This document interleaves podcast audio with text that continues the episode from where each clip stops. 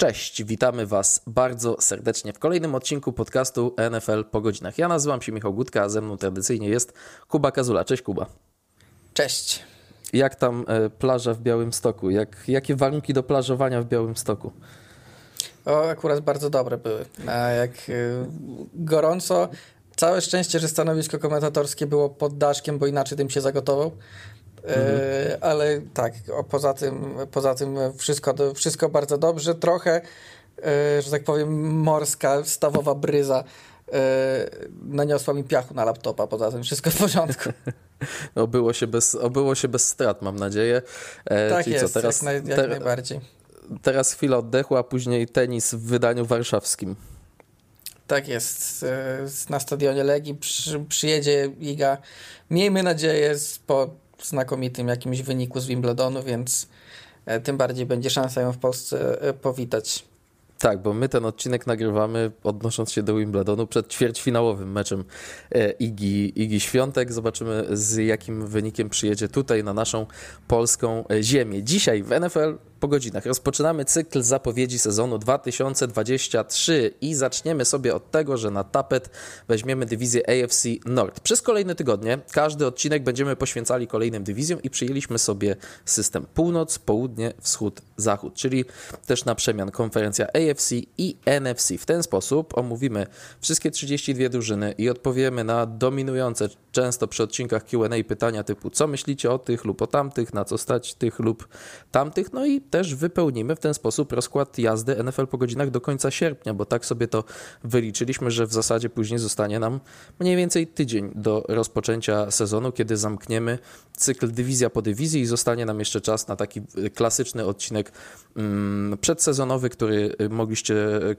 którego mogliście słuchać w ostatnich latach w NFL po godzinach. W ostatnich latach za to w NFL po godzinach nie rozbieraliśmy na czynniki pierwsze wszystkich dywizji jedna po drugiej tym razem poszliśmy w tym kierunku, no i zobaczymy. Mamy nadzieję, że ten format Wam się spodoba. E, tradycyjnie prosimy o wsparcie w postaci kawek buycoffee.to ukośnik NFLPG. Niezmiennie dziękujemy tym, którzy nas już wsparli w ten sposób. E, możecie zrobić to jeszcze raz, jeżeli to zrobiliście, możecie to zrobić pierwszy raz, jeżeli tego nie robiliście, możecie nie robić tego wcale. My się nie obrazimy i ten podcast nie wyląduje e, za jakąś płatną bramką. Kuba, AFC Nord dzisiaj na e, tapecie. Słowem wprowadzenia, takie widzę głosy, że po cichutku to może być najlepsza dywizja w ogóle w całej lidze. Wiem, że na tapecie przed nami jeszcze AFC East, która chyba w tym sezonie zastąpiła AFC West, która w zeszłym sezonie miała taki hype. AFC East y, już kilka razy się do tego odnosiliśmy. Mm, co najmniej trzy drużyny z aspiracjami mistrzowskimi, wszystkie cztery z aspiracjami na playoffy, ale AFC North myślę, że po cichutku jest takim kandydatem do tego, żeby, żeby takie głosy traktować poważnie. No na pewno tu mam, mamy Mamy trzy drużyny, które zamierzają, yy, w zasadzie no, każda z tych czterech drużyn przymierza się na walkę o Super Bowl. Oczywiście to, jakim to wyjdzie, to inna kwestia, no ale yy, każda z tych drużyn spokojnie może wejść do playoffów, do playoffów każda o, te playoff, o tych playoffach może myśleć, więc yy, nawet nie wiem, czy po cichu może być to najlepsza dywizja w lidze. Bardzo moim zdaniem porównywalna do tej, e, do tej AFC East, o której wszyscy mówią. Tam oczywiście jest hype ze względu na Jets i Arona Rodgersa w Jets. E, tutaj tego nie ma, bo trochę nam to... Tutaj było tak trochę rok temu, jak Deshaun Watson przyszedł, chociaż wiadomo było, że będzie zawieszenie, no ale to było takie wzmocnienie e, dywizji, ale no poza tym wiadomo, że każda z tych drużyn jest albo mocna, albo mocniejsza niż była. E, więc a Steelers, którzy mogą się wydawać dla większości najsłabszą drużyną w tej dywizji, tak jakieś 9-8 wyciągnął co najmniej, więc, e, tak, więc tutaj wszystko jasne. Będziemy sobie też na koniec odcinka typowali naszą e, kolejność, tak jak to odczuwamy z Kubą, ale rzeczywiście ten hype na AFC North może e, nastąpić w momencie, w którym Deshaun Watson będzie wracał na swój dawny poziom, bo wtedy będziemy mieli rzeczywiście trzech elitarnych rozgrywających w stawce drużyn AFC North. Jeśli chodzi o to, jak będziemy drużyny poszczególne omawiać, to nie tylko w dzisiejszym odcinku, ale we wszystkich odcinkach potraktowaliśmy te drużyny od linijki, czyli w przypadku każdej porozmawiamy sobie o takich stałych punktach. Pochylimy się nad tym, jak wyglądał off-season, ale wybierzemy sobie najważniejszy nabytek każdej z tych drużyn. Ocenimy, która formacja jest naszym zdaniem najsilniejsza w zespole, najlepiej obsadzona i nie mówimy tu ofensywa, defensywa, tylko mówimy już bardziej precyzyjnie, na przykład skrzydła, na przykład zestaw biegaczy i tak dalej, i tak dalej. E, będziemy też rozmawiać w przypadku każdej drużynie o ich piętach achillesowych. E, porozmawiamy sobie też o tym, kogo można e, wziąć na celownik z danej drużyny do fantazy, bo nie będziemy robili w tym e, off-season prawdopodobnie takiego odcinka stricte poświęconego fantazy, ale tutaj sobie wybierzemy i też postaramy się przy każdej drużynie wybrać kogoś e, może trochę mniej oczywistego. Nie zawsze się to będzie dało zrobić, ale na przykład załóżmy w przyszłości będziecie mogli słuchać odcinka o NFC North, to będzie następny odcinek.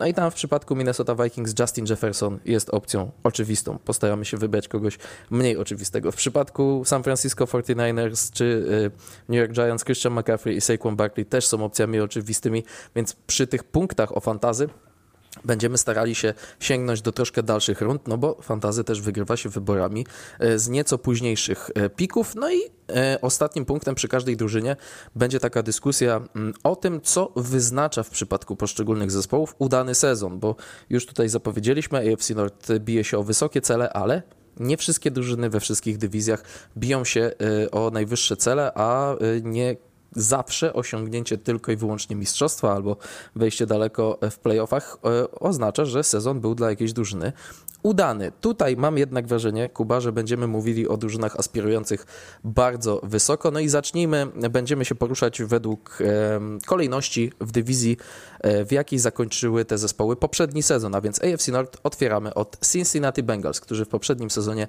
te dywizje wygrali. Cincinnati Bengals od kilku lat są w ścisłej czołówce NFL, ale zacznijmy punkt po punkcie, tak jak sobie to zaplanowaliśmy. Jaki jest Twoim zdaniem najważniejszy nabytek Cincinnati Bengals tej wiosny? No, biorąc pod uwagę, że, że Bengals rzadko wydają pieniądze, a teraz udało im się wydać spore pieniądze na Orlando Browna, to wydaje mi się, że to jest taki pierwsza rzecz, która się rzuca w oczy, szczególnie, że wielu tych nowych nabytków, jakichś wielkich zmian nie było w Bengals. Oni raczej próbują utrzymać ten, ten swój bardzo mocny e, skład, dlatego z tych nowych chyba Orlando Brown wydaje się tutaj naj, e, najciekawszą opcją. Ja jestem ciekaw, jak poradzi sobie, co prawda e, przechodzi od Patryka Mahomesa do Joe Barrowa, który też raczej szybko rzucać potrafi, natomiast Orlando Brown miewał swoje problemy, mimo tego, że jest uznawany za dość solidnego, czy nawet dobrego takla. E, ciekawi mnie też, co się stanie z Johnem Williamsem, bo teoretycznie on od razu po tym E, po podpisaniu Orlando Browna stwierdził, że chce zostać wymieniony, bo on był lewym taklem, a Bengals stwierdzili, że chcą go przestawić na prawego takla, z kolei on posugerował, że będzie grał tylko z lewej strony. Teraz ponoć się okazuje, że się dogadano jakkolwiek i że Johna Williams faktycznie się e, zdecyduje grać na tym prawym taklu, no ale to też jest taka e, taka dość nietypowa sprawa, bo nie wiem, chyba Johna nigdy nie grał na prawym taklu w ogóle, więc Left nie każdy zawodnik... Bywał i tak, pamiętam, że była taka dyskusja, że jeżeli przyjdzie Orlando Brown e, na, lewą, na lewy skraj linii, to troszkę obok niego, ale we wnętrzu na pozycji lewego garda ustawi się Johna Williams. Jeśli chodzi o mój wybór, też Orlando Brown e, jako ten najważniejszy nabytek i tutaj e, w zasadzie trudno było wybrać kogoś innego, tak jak mówiłeś. Trochę słabiej wygląda personalnie wciąż środek linii ofensywnej w Cincinnati Bengals, ale jeżeli duet Brown i Williams będą spisywali się odpowiednio mm, i no też mówisz o, o tych zamianach stron ewentualnych. Wiemy, że Orlando Brown też był rzucany z lewej na prawą stronę. Może się tak okazać, że to jednak Williams będzie grał z lewej, a Brown z prawej i to też no daje nie, to, to raczej, jakąś to, to raczej nie, bo Brown, Brown podpisał ten kontrakt z Bengals wyłącznie dlatego, że oni mu zapewnili, że będzie grał z lewej strony, więc myślę, że na to nie pójdzie. Prędzej się zrobi z tego jakiś gruby kwas, niż po prostu Brown sobie przejdzie na prawą stronę i będzie tam grał. Tak, ale Orlando Brown Jr. ma 27 lat. Jego umowa obejmuje do 30 roku życia. Jeżeli wypali i podpisałby z Bengals kolejny kontrakt, to myślę, że na 7-8 lat może spokojnie zadbać o tę lewą stronę linii ofensywnej. To jest dla niego ważny ruch w karierze, e, z uwagi na te zapewnienia, o których Kuba wspomniał, ale też dla Bengals, bo linia e, ofensywna to tłuczemy od wielu sezonów jest y, problemem Bengals. Joe Burrow, sprawdziłem to sobie, wliczając playoffy, wystąpił do tej pory w 49 meczach w karierze w NFL, sakowany był 173-krotnie. Trzeba coś z tym zrobić. No to tak, wiadomo już nie od dziś, że był ten problem, szczególnie w tych pierwszych sezonach Joe Burrowa. Zresztą no, brak linii ofensywnej to był powód, dla którego w pierwszym sezonie złapał poważną kontuzję, więc mm, od tego się wszystko na dobrą sprawę zaczęło i e, nie dziwię się, że Bengals chcą sobie wzmocnić tę linię. To, czy zrobili to w dobry sposób, to się okaże. Na, na, na pewno wygląda to lepiej niż wyglądało to e, w sezonie z Super Bowl, e, czy właśnie w tym pierwszym sezonie Joe Barrowa. Mm, natomiast to jest troszkę podobny case, mam wrażenie, do tego, co mówiliśmy rok temu, że jak podpisali za duże pieniądze Alexa Kappę, to się zastanawialiśmy, czy no, aby na pewno Kappa jest warty takich pieniędzy. Brown jest może troszkę mocniejszym nazwiskiem od Kappy, natomiast e, ja też nie mam go absolutnie w topie offensive tackli w lidze. Być może miałbym go w topie, gdyby grał z prawej strony, bo to jest ten specyficzny przypadek, że on naprawdę był świetny z prawej strony, ale on postanowił, że, będzie, że chce grać na lewej e, i tak sobie to... Oficjalna wersja jest taka, e, że na lewej stronie grał jego tata, więc on chce iść w jego ślady i go honorować tym, że gra dokładnie na tej samej pozycji. A czy tak naprawdę jest to oczywiście inna kwestia.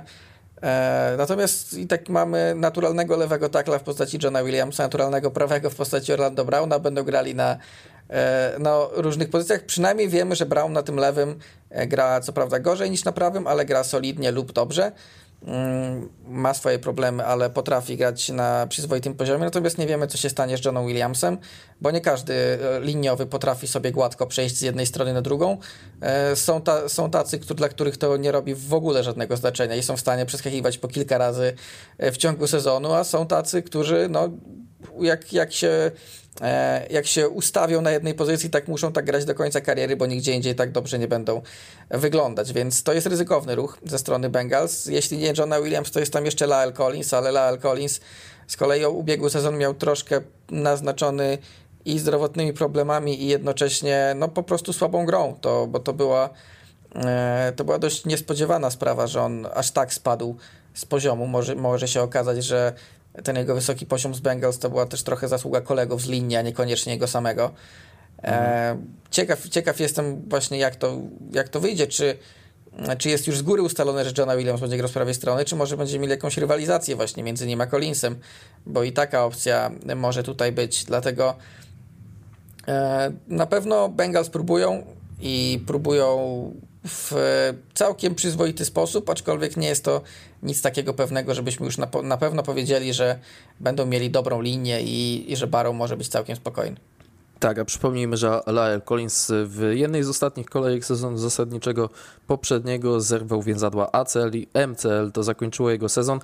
No, zakończyło jego sezon też było późno, ale normalnie e, gdyby na przykład takiej kontuzji doznał w pierwszych kilku tygodniach, to może byłby gotowy już na początek e, nadchodzącego sezonu. Z racji, że tamta kontuzja miała miejsce na przełomie grudnia i stycznia, no to tak naprawdę pod dużym znakiem zapytania jest e, dostępność Laela Collinsa na początek nowych rozgrywek. Najlepsza formacja w drużynie to wezmę to początkowo na siebie. Wskazałem skrzydłowych. E, najmocniej obsadzoną pozycję w Bengals wybrałem na skrzydłach, ponieważ Jamar Chase i T. Higgins to jest być może najlepszy duet skrzydłowych w NFL, a jeszcze mamy jako trzeci trzeciego Tylera Boyda, który od lat słynie z takiej solidności jako ten trzeci slot receiver. Być może to jest jego ostatni taniec, ale w odwodzie są wybrani w czwartej rundzie draftu Charlie Jones, który nam się podobał, y, którego ocenialiśmy pozytywnie w tym miejscu. W szóstej rundy, rundzie Andrzej Josivas, czyli kolejny skrzydłowy, który może się w tym sezonie przebić. Generalnie jestem też fanem defensywy Bengals i Lu Anarumo jako koordynatora,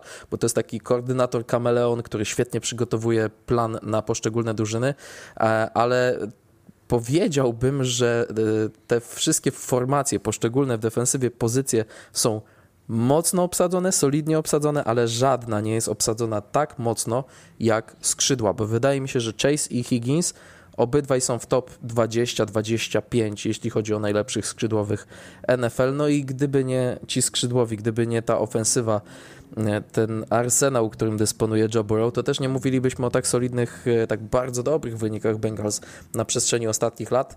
E, a mnie ten wybór był dość oczywisty, że tutaj wide receiverzy, tak dokładnie akurat e, ta pozycja moim zdaniem jest najlepiej w Cincinnati obsadzona. No tak, ja też mam skrzydłowych, to akurat jest chyba dość oczywista opcja, jeśli chodzi o Bengals, szczególnie E, no, że i tak mieli bardzo mocny skład w postaci Chase'a Boyda i Higginsa, a do tego wybrali w drafcie dwóch zawodników, których ja bardzo lubiłem, szczególnie jeśli chodzi o te wybory trzeciego dnia, bo i Charlie Jones i Andrzej Josivas to ma, mają potencjał, żeby, e, żeby coś fajnego w tej lidze pokazać.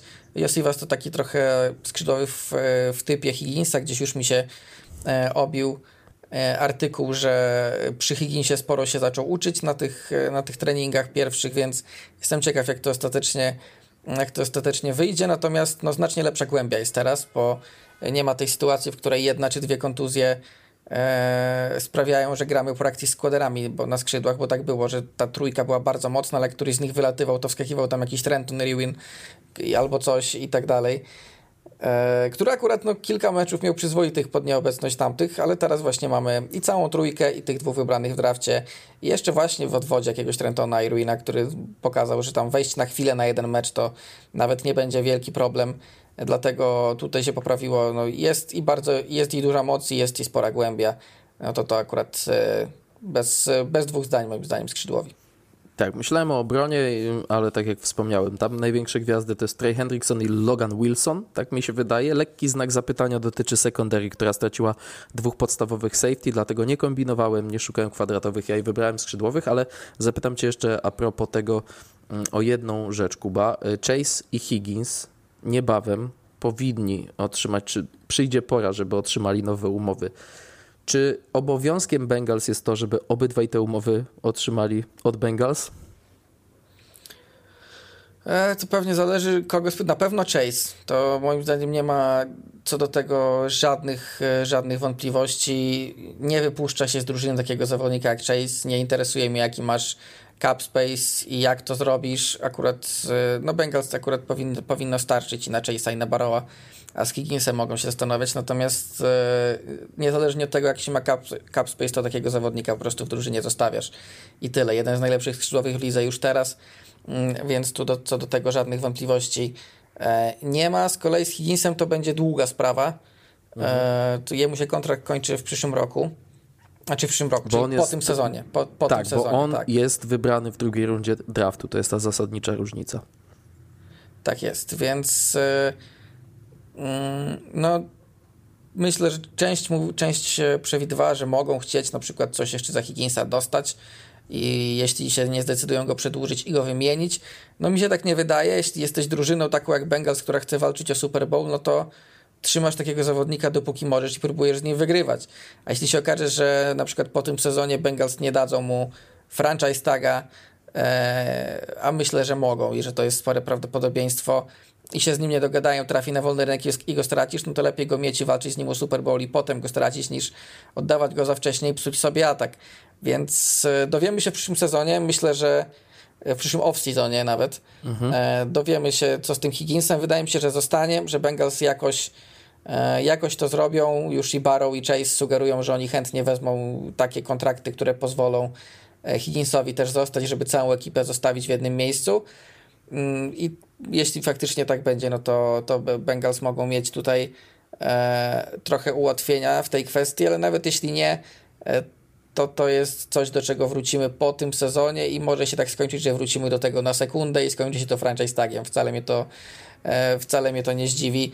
E, trudno mi sobie wyobrazić, żeby Higgins tak po prostu odszedł e, z Bengals, mhm. po prostu skończył mu się kontrakt i on podpisze wysoki kontrakt gdzie indziej, by taki skrzydł, tacy skrzydłowi w ostatnim czasie e, nie trafiają na rynek, wszyscy przedłużają, albo ewentualnie jak jest jakiś, są jakieś kwasy, to się wymienia takiego zawodnika. Już parę takich widzieliśmy w ostatnich latach, ale raczej oni nie trafiają na rynek. Tu jest oczywiście ta wyjątkowa sytuacja, że mimo tego, że Higgins jest świetny, to jest skrzydłowy numer dwa, nie numer jeden, więc i ten numer jeden też w końcu będzie musiał mieć zapłacone, stąd A, jest ta mógłby cała być jedynką w bardzo wielu klubach NFL. E, T. Higgins byłby Myślę, Myślę, że w większości, zdecydowanie. Tak. Tak, zdecydowanie. Mogliśmy też, byłem bliski tego, jako najlepszą formację wpisać quarterback, no bo Joe Burrow był bardzo wysoko na e, naszych listach, e, no ale wiemy, że to jest taka specyficzna pozycja. Moglibyśmy Słuchaj, wpisać najlepszą... To, wiesz, to trzeba też, trzeba też sprawdzać całościowo razem z backupami. Właśnie. Trevor Simeon, także tak. i Jake Browning. O, to dwie legendy Vikings. Proszę bardzo, jest. ale się chłopaki zaplątali do, e, do Cincinnati. No ale właśnie, nie wybrałem Joe Burrowa, bo trzeba patrzeć całościowo na taką, na taką pozycję, a poza Joe Burrowem, bez Joe Burrowa po prostu sezon by się w Cincinnati wykoleił. E, Pięta Achillesowa. Co twoim zdaniem jest e, największą słabością w Cincinnati? Czy to jest linia ofensywna, o której już mówiliśmy? Nie, szczerze mówiąc, no, wydaje mi się, że ta linia może być niedobra, ale taka solidna, e, taka, przy której, przy której Joe Barrow może będzie stwierdzić, ok, to z tym to już sobie jakoś, jakoś sobie z tym dam radę, nie musi być idealnie, ale tak może być. E, to co w ja takim razie byś wskazał? Mam... Jeszcze raz? Słucham, słucham, tak. Co w takim razie wskazałeś? E, patrzę, patrzyłem i tak zastanawiałem się nad dwiema grupami, w końcu stwierdziłem, że wymienię je obie, to bardzo wąskie grupy. E, i safeties. E, ja wybrałem Jed... tight endów, także tutaj tak, jesteśmy no dość, tight... dość zgodni. Jeśli chodzi o tight endów, no to podstawowym zawodnikiem jest w tej chwili Irv Smith Jr., kolejna Wypisałem to sobie. Vikings. Tak, przejmę, przejmę ten wątek. Nigdy w Vikings nie odpalił Irv Smith Jr., nigdy nie złapał więcej niż 36 piłek, nigdy nie miał więcej niż 365 yardów i tylko raz w karierze, zanim trzy sezony, miał więcej niż dwa przyłożenia. Irv Smith opuścił 9 meczów w poprzednim sezonie, opuścił 4 mecze w sezonie 2021. Bengals wymieniają tych tight jak rękawiczki, ale był CJ Uzoma, potem Hayden Hurts i teraz jest Irv Smith i ja mam wrażenie, że tendencja jest spadkowa. Tak, jest spadkowa. Air Smith Jr. Ja, ja lubię Smitha Jr., lubiłem go już od draftu i tak e, no i czekamy od, ta, od tego momentu draftu, jak on w końcu odpali, tylko że on w ogóle tak, nie odpala. To jest ten więc... cały, cały czas ten niespełniony sleeper w fantazy. Tak, to jest ten niespełniony sleeper w fantazy. Na tej tendach zresztą e, u zresztą tacy się często przejawiają. Teraz wyleciało mi kompletnie nazwisko z głowy. Titanda Jets, który też przez dobre 2-3 sezony był sliperem w fantazy co roku. Ale... E, Dustin Keller? Dustin Keller o niego chodzi, czy jeszcze... Nie, nie, nie, nie, nie, nie o niego. Może zaraz sobie przypomnę to ten, ale w każdym razie Irk Smith kimś takim jest i niestety zanosi się na to, że no, nawet jeśli będzie troszkę lepszy w tych Bengals, to raczej nie odpali tak, jakbyśmy się mogli e, jakbyśmy się mogli tego spodziewać. I no niestety. Natomiast no, są Drew Sample i Devin Asiasi, kolejny z kolei legenda Patriots, patrząc tutaj, legendarny niewypał draftowy Patriots, Devin Asiasi, który złapał się w zasadzie tylko w Bengals, bo tylko w Bengals było dla niego miejsce. No jeśli miałbym wskazać, to pewnie wskazałbym na Titandów, dorzuciłem też safeties, bo po odejściu... Mam tego Titanda z Jets. Chris Herndon, o niego ci chodziło? Tak, Chris Herndon, oczywiście, że tak. Kolejna legenda Vikings, bo on też później został wymieniony do Vikings i to za jakiś całkiem no, Vikings po prostu wybór. biorą wszystkich Vikings po prostu grają w fantazy i tych, na których liczą, że odpalą, odpalą są sliperami, to no. biorą do czwartą i szóstą, czwartą plus szóstą rundę Vikings oddali za Chrisa e, Herndona, także nie udało się. Tam też nie odpali. No nie, jeśli chodzi o safeties, no to po odejściu Batesa nam się tutaj troszkę sytuacja skomplikowała, bo mamy pełno zawodników, którzy mają talent, no i na przykład Dextona Hilla bardzo lubiłem w drafcie, natomiast żaden z tych zawodników nie jest w ogóle jakkolwiek sprawdzony, tak na dłuższą metę w NFL, bo tu jest Dax Hill, Nick Scott, Jordan Battle, kolejny rookie, e, Michael Thomas, e, więc to są wszystko zawodnicy, którzy mogą być solidni i może z tego wyjść e, niezła gra, ale może się okazać, że żaden nie jest, więc to jest taki znak zapytania.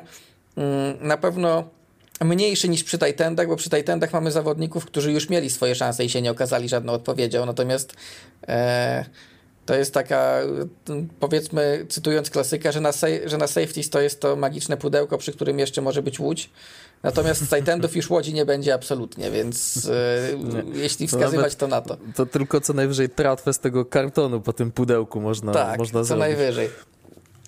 Zastanawiałem się, czy nie wskażemy tutaj linii ofensywnej, ale dobrze, że obaj tego nie zrobiliśmy, bo i tak przy temacie Orlando Browna e, poświęciliśmy ten wątek linii e, ofensywnej. Do fantazy. Kto? E, ja już, e, już tu zerkam, chyba jest tak. Ja mam dość niecodzienną opcję, mam właśnie Tylera Boyda. E, bo to jest taka opcja, Mam wrażenie, która... że tylko ci wejdę w słowo, że ja z Tylerem Boydem w jakiś magiczny sposób kończę w ostatnich 4-5 sezonach. Mam prawie zawsze Tylera Boyda i w ligach PPR, czyli punkty za złapane podania.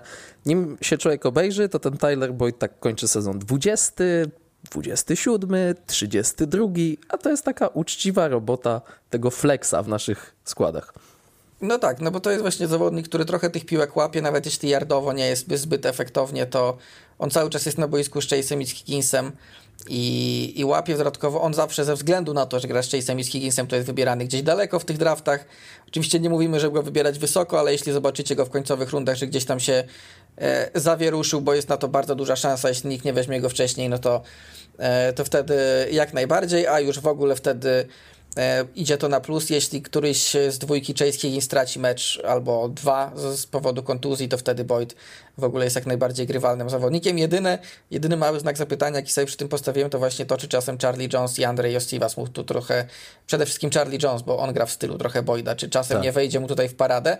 Aczkolwiek wydaje mi się, że o ile Jones jest chyba wydraftowany, żeby być takim trochę następcą Boyda, o tyle raczej może nie zrobi tego jeszcze w tym sezonie, będzie się raczej uczył z tyłu niż musiałby naprawdę świetnie grać Charlie Jones na kampie, żeby przejąć rolę Taylora Boyda w tym ataku.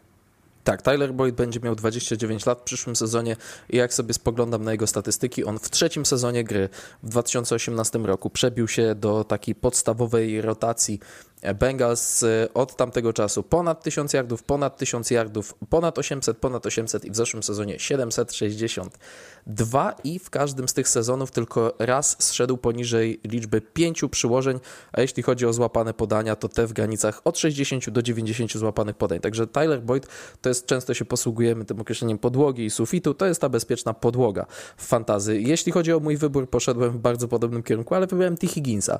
Y, T. Higgins w każdym sezonie w NFL NFL zyskiwał powyżej 900 yardów po złapanych piłkach, a w dwóch ostatnich to był e, zawsze powyżej 1000. E, w każdym sezonie 6 lub 7 przyłożeń, tak jak powiedziałem, należy moim zdaniem do czołowych 25 skrzydłowych ligi, a może się nieco zsunąć w drafcie, bo nie dość, że Jamar Chase e, w drafcie fantazy będzie wybierany wyżej, to jeszcze z opcji z Bengals myślę, że Joe Mixon tutaj, kiedy powiedziałem, kiedy ustaliliśmy, żeby, żeby nie rozmawiać o opcjach najbardziej oczywistych, to wydaje mi się, że to nam wyeliminowało Joe Mixona, bo Joe Mixon po odejściu Samarze Pirajna to jest praktycznie dzisiaj jednoosobowa gra biegowa Cincinnati Bengals i Mixon będzie schodził wcześniej w draftach fantazy, ale taki T. Higgins myślę, że do jakiejś siódmej, ósmej może rundy się ostać, mm, chociaż do ósmej trudno mi sobie to wyobrazić, ale szósta, siódma runda to może być niezły, mm, niezły wybór takiego T. E, Higginsa. Co w takim razie wyznaczać będzie udany sezon dla Cincinnati Bengals? Jaki cel stawiają sobie. Super Bowl, po prostu. No, tam nie ma absolutnie żadnego innego, żadnego innego celu. E, moż, mogą pozostać w podobnej sytuacji, w jakiej byli w poprzednich, czyli kręcić się wokół finału konferencji. E, no weszli do Super Bowl raz, raz nie.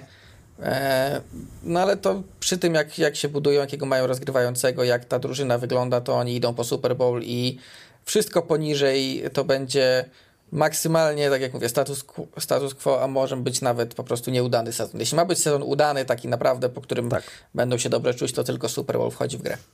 Tak, u mnie w notatkach, co wyznaczał dany sezon? Zdobycie Super Bowl, także tu jesteśmy w pełni zgodni. Dwa poprzednie przypadki, kiedy Bengals docierali do Super Bowl, nie przekładały się na dłuższe sukcesy. Po pierwszym awansie w, na początku lat 80. W, weszli do playoffów i odpadli w pierwszej rundzie, a po drugim awansie do Super Bowl w końcówce lat 80. potem w kolejnym sezonie nie weszli nawet do playoffów. W erze Joe Burrowa Bengals wygrali pięć spotkań w playoffach. Tyle samo wygrali przez całą wcześniejszą swoją historię od powstania w 1968 roku. To pokazuje, że z Joe Burrowem ta drużyna wbiła się do elity NFL i czas najwyższy przekuć to na pierścień pierwszy w historii klubu, gdyby to się udało. No i też y, mówiliśmy o kontraktach, ale Burrow plus Chase plus Higgins myślę, że mogą za chwilę pochłaniać jakieś 75 milionów dolarów w salary cap albo lepiej, a Bengals też nie słyną z sypania groszami. Ja głowy nie podłożę za to, że ten tercet będzie na wieki grał w Bengals, dopóki y, kariera i zdrowie im na to pozwolą, więc Czas na Super Bowl jest teraz. Oni są jeszcze tani. E, jeszcze masz ten skład e, skonstruowany w dotychczasowym kształcie. Jest cały czas defensywa, z której wprawdzie odeszło dwóch safety, ale największe gwiazdy nie odeszły i przede wszystkim nie odszedł Lu Anarumo, a ja już się nie założę też o to, że po następnym sezonie Lu Anarumo gdzieś nie zostanie e, głównym trenerem, przepraszam. Myślę, że jeżeli Bengals będą Bengals, takimi jak pamiętamy ich z e, wcześniejszych lat, e, którzy trochę żałują na kontrakty, którzy pozwalają jednak swoim najlepszym zawodnikom często odejść, to jeżeli Bengals będą tacy jak zawsze za rządów rodziny Brownów, to naprawdę powoli wybrzmiewa ostatni dzwonek pod ten upragniony tytuł. No tak, no kończy się kontrakt rookie Joe Barrowa, mimo tego, że on jest w tej chwili tam e, będzie miał w tej chwili swój czwarty sezon.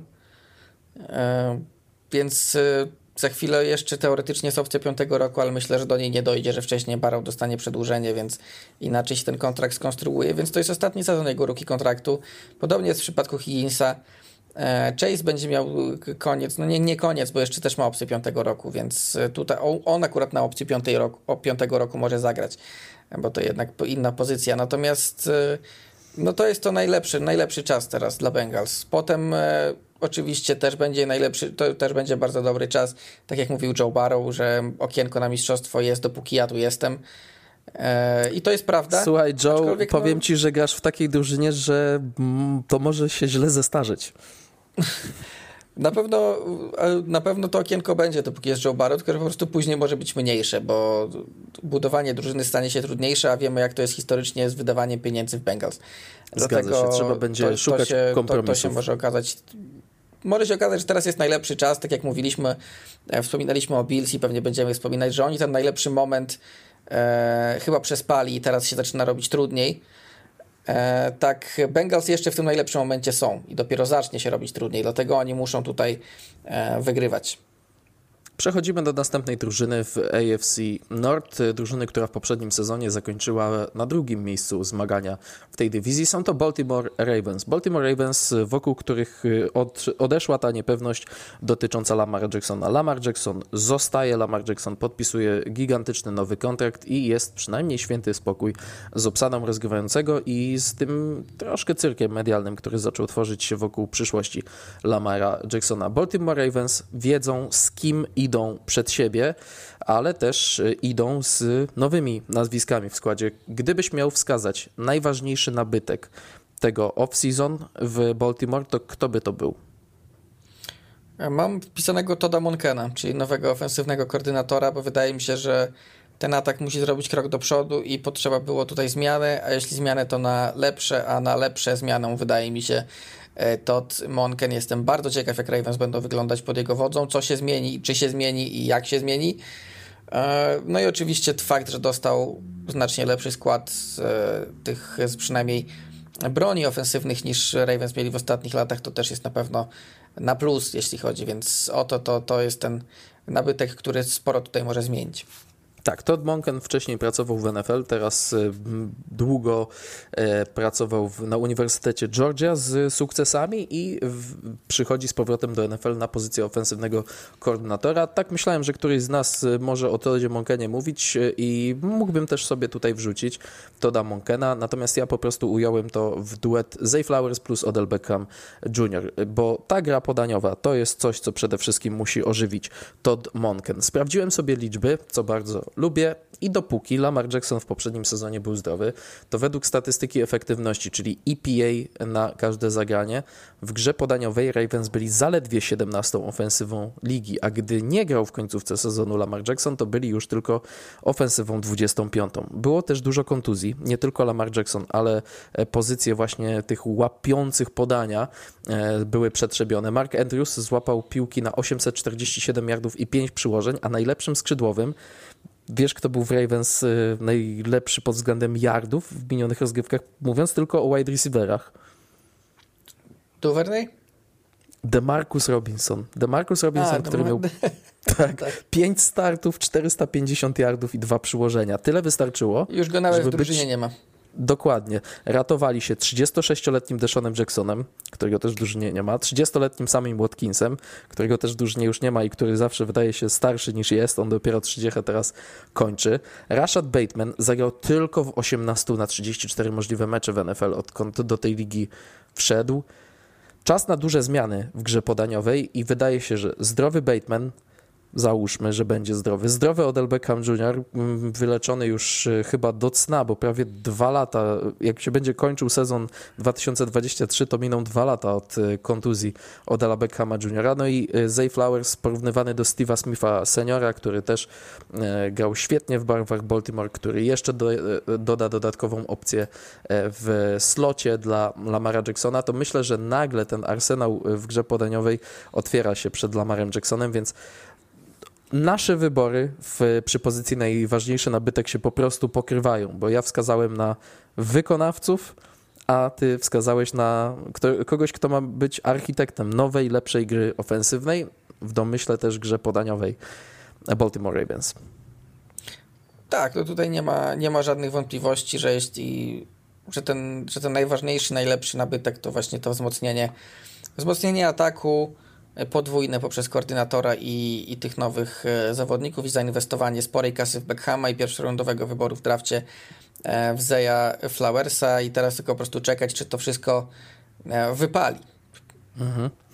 Najlepsza formacja, kogo wskazałeś? Najlepiej obsadzona pozycja? Najlepiej obsadzoną pozycję mam linię ofensywną, bo o, proszę. wydaje mi się, szczerze mówiąc, nie miałem jakiegoś takiego momentu, w którym spojrzałem na jakąś linię, na jakąś formację i stwierdziłem, że tak, to jest na 100% ta najlepsza. Przez chwilę się zastanawiałem, padło na linię ofensywną, bo wydaje mi się, że ta linia ofensywna nie ma e, nie ma za bardzo słabych punktów. Jest, jest Ronnie Stanley, Morgan Moses, Kevin Zeitler, Tyler Linderbaum i Ben Cleveland. Co najm każdy co najmniej solidny, niektórzy świetni. E, jak Zeitler jako guard, a Linderbaum jest drugoroczniakiem, który będzie się jeszcze rozwijał e, i to jest, jest po dobrym pierwszym sezonie. Ronnie Stanley i Morgan Moses to tam też sporo zależy też od e, zdrowia, szczególnie u tego pierwszego, ale jeśli wszyscy będą zdrowi, to wydaje mi się, że ta linia ponownie będzie całkiem ładnie torować drogę i Lamarowi i jego biegaczom. Powiem Ci, że ja wpisałem dwie pozycje i żadna z nich to nie jest linia ofensywna. Wpisałem sobie formacje specjalne, ponieważ z uwagi na Justina Tuckera i Devina Duverneya, który był w Pro Bowl jako e, returner, myślę, że można powiedzieć, że formacje specjalne mają się bardzo Jordan, mocno... Jordan Stout jako Panther też bardzo, bardzo dobry zawodnik, więc... Tak, dlatego ukłon w stronę e, kopaczy i panterów, którzy też są ludźmi z mojej strony, ale już taki wybór troszkę bardziej na serio, to secondary, bo wydaje mi się, że Marlon Humphrey to jest e, czołowy cornerback ligi, dochodzi Rocky Asin, czyli jedna z takich solidniejszych opcji jako drugi cornerback w tej lidze, ale przede wszystkim e, do wytypowania secondary skusiła mnie para safety, bo myślę, że Marcus Williams i Kyle e, Hamilton to jest czołówka NFL, chociaż patrząc na liczby w poprzednim sezonie, to obrona gry podaniowej była tak dość jednak no, przeciętna, czy w środku stawki w NFL, ale jeśli chodzi o nazwiska, to secondary ma bardzo duży potencjał na przyszłość, jeżeli Humphrey będzie utrzymywał czy poprawiał swój dotychczasowy poziom, a Williams i Hamilton będą grali jeszcze lepiej niż w poprzednim sezonie, bo obaj wciąż są młodzi, szczególnie Hamilton, to wydaje mi się, że to może być ta najlepiej obsadzona e, pozycja w drużynie, ale w ogóle to, co tutaj nam wyszło e, w tej dyskusji, to to, że też jak to za chwilę przejdziemy trochę do, do tych pięt achillesowych, do słabości, ale ogólnie wydaje mi się, że Ravens kadrowo są dość stabilni, równi, dobrzy prawie wszędzie. W większości tak, akurat ja nie miałem, jeśli chodzi, tutaj miałem problem, natomiast przy najsłabszej formacji nie miałem problemu żadnego, więc... No to słucham, przejdźmy takim płynnym krokiem, bo to nam się ładnie łączy linia defensywna ze szczególnym wskazaniem na pass rusherów, bo... Mam dokładnie tak to zapisane, linia defensywna w nawiasie pass rush. Tak, no bo już nawet pomijając to, że nie ma za bardzo takich naprawdę dobrych pass rusherów, to ich w ogóle liczbowo za bardzo nie ma, bo tam w tej chwili jest Odafe Ołech, Tavius Robinson, który raczej wchodzi z ławki, a reszta zawodników to raczej tacy gracze no jak Justin Madubuike na przykład, to jest taki bardziej zawodnik środka niż, niż e, biegający z zewnątrz. No nie bardzo jest tam kim grać. Oda Fałek to jest były wybór z pierwszej rundy, ale to nie jest żaden e, super rusher w tej chwili, więc no i mieli z tym problem Ravens, a jak wiemy, no to będzie rzutowało bardzo mocno na defensywę, bo w ostatnich latach chyba nam się ten pasraż mm, wysunął jako ta najważniejsza rzecz w obronie, bo jak nie masz presji, to nie masz nic. Jak no właśnie, bo, bo powiedziałem o słabości. Presji, to, to jak nie masz presji, to i to sekundary ci nie pomoże, bo w końcu ktoś krycie puści. Dokładnie, bo powiedziałem o tej słabości czy przeciętności gry yy, przeciwko podaniom, obrony gry podaniowej ale właśnie z braku presji, ze słabości y, tych pass rusherów może to wszystko wynikać. Ósma od końca obrona ligi według y, częstotliwości nakładania presji na rozgrywającego, to Ravens z minionego sezonu. Ósma najwyższa liczba przestrzelonych takli, czyli nieudanych prób powalenia, gdzie ktoś się wyślizgiwał twojemu rywalowi, a kto jest na froncie tego powalania, przez kogo running back jak ma się przebić, to się przebije, no raczej przez liniowych czy przez linebackerów. Ale ta defensywa była szósta w liczbie saków, tylko że tutaj jest haczyk. Prawie 20% saków w zeszłym sezonie nastukał 34-letni Justin Houston, a drugi po nim był 36-letni Calais Campbell. Obu w drużynie już nie ma, tak samo jak 33-letniego Jasona Pierpola. Ja sobie dopiero przygotowując się do tej zapowiedzi AFC North przypomniałem, jaka tam była wypożyczalnia weteranów w poprzednim sezonie, bo już mamy e, Deshona Jacksona, mamy mm, samego Watkinsa i teraz jeszcze Justin Houston i Jason Pierre Paul. Trochę Ravens tak mają i pewnie w tym sezonie kogoś sobie też tak w cudzysłowie wypożyczą. No myślę, że, myślę, że czekają nas jeszcze jakieś dwa podpisy weteranów w wykonaniu Ravens, gdzieś tak może w sierpniu. I jeśli już, to stawiałbym właśnie na pass natomiast teraz... Melvin Ingram jest bez klubu. Jest Mel, Melvin Ingram pasowałby tutaj pod tym względem idealnie, e, bo też zawodnik bez klubu, też zawodnik doświadczony, który już zwiedził trochę zespołów, który mógłby tak na pół sezony wspomóc pass rush. Taki mój strzał w ciemno, że Melvin Ingram do Baltimore Ravens, e, idąc śladem właśnie chociażby Houstona czy Pierre Pola może się, może się e, pokazać. No ale tutaj rzeczywiście mm, patrzyłem na tę kadrę, nie widziałem wielu słabych punktów, aż doszedłem do linii defensywnej i uznałem, że trzeba koniecznie o tym wspomnieć jako o tej pięci achillesowej Baltimore Ravens. Do fantazy.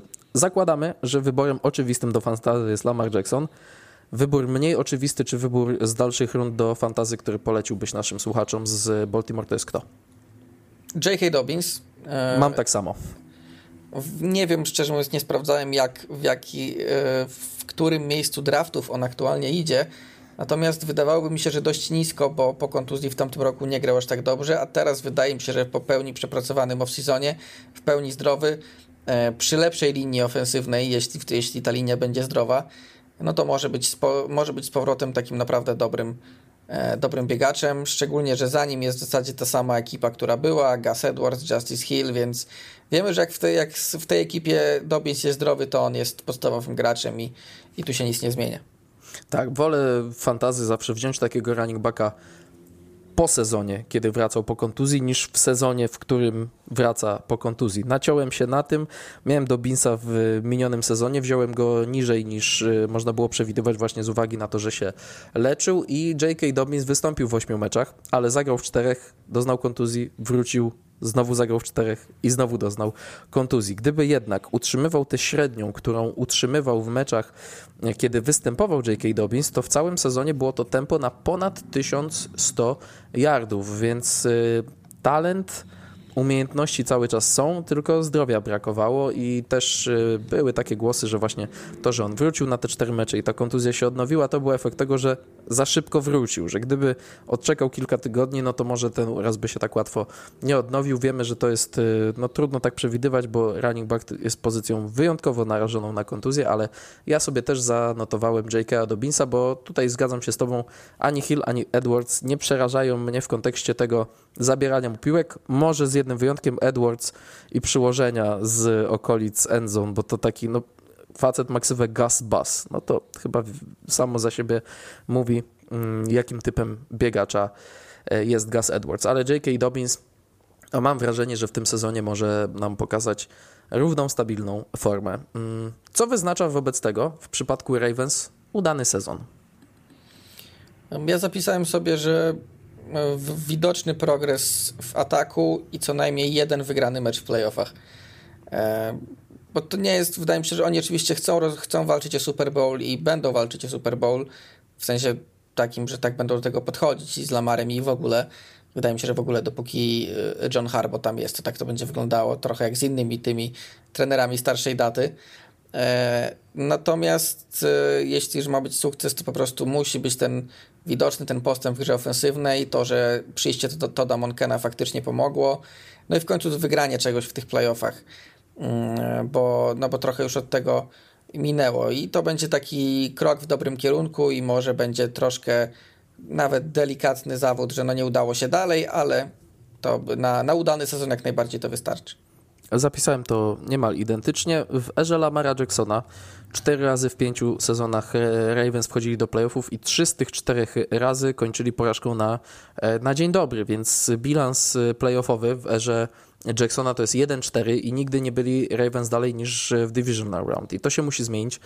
E, udany sezon to jest właśnie też rozwój Lamara Jacksona bez kontuzji, sezon Lamara Jacksona, przeprofilowanie obrony i ataku, no i właśnie ten postęp, bo tak sobie myślę, Kuba, ostatnio otworzyliśmy listę mm, trenerów na gorących stołkach. Czy my przypadkiem wśród tych longshotów, czyli trenerów, którzy w jakimś negatywnym scenariuszu mogą być e, pod ostrzałem, albo po nieudanym sezonie mogą być Y, na celowniku zachowają pracę, ale będą na celowniku przed sezonem 2024. Czy my tam przypadkiem nie powinniśmy mieć Johna Harbo, a nie wspomnieliśmy o nim?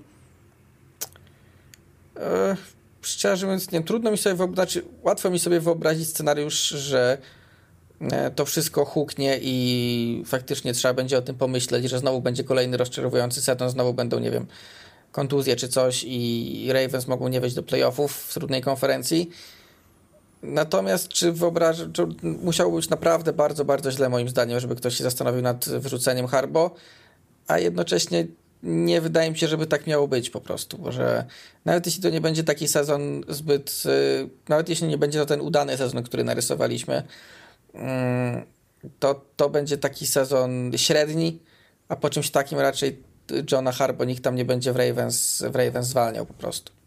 Ja myślę, że po sezonie średnim presja na nim będzie bardzo duża. Że jeżeli to będzie kolejny sezon z porażką w playoffach na dzień dobry albo sezon bez playoffów, to wtedy w kontekście najbliższego sezonu będzie na naszej liście gorących stołków e, John Harbaugh i wcale się nie zdziwię, jeżeli będzie wysoko na tej liście. Myślę, że jest w niektórych przypadkach takie zmęczenie materiału, że trener może być dobry, osiągać e, stabilną pozycję co sezon, ale jeżeli wiąże się to z jednak większymi wymaganiami, to w pewnym momencie wszyscy stają się tym faktem zmęczeni. Ja zawsze będę się odwoływał do przykładu Andiego Rida w Filadelfii, chociaż ostatni sezon Andiego Rida w Filadelfii, który wtedy no, już przesądził o jego przyszłości, był po prostu fatalny, ale koniec końców e, no, tam wykipiało już, e, wykipiała ta cała frustracja związana właśnie z tym, że Eagles z Andiego Rida często byli uznawani za faworyta i z tej roli nie potrafili się e, wywiązać i wydaje mi się, że jeżeli Ravens znowu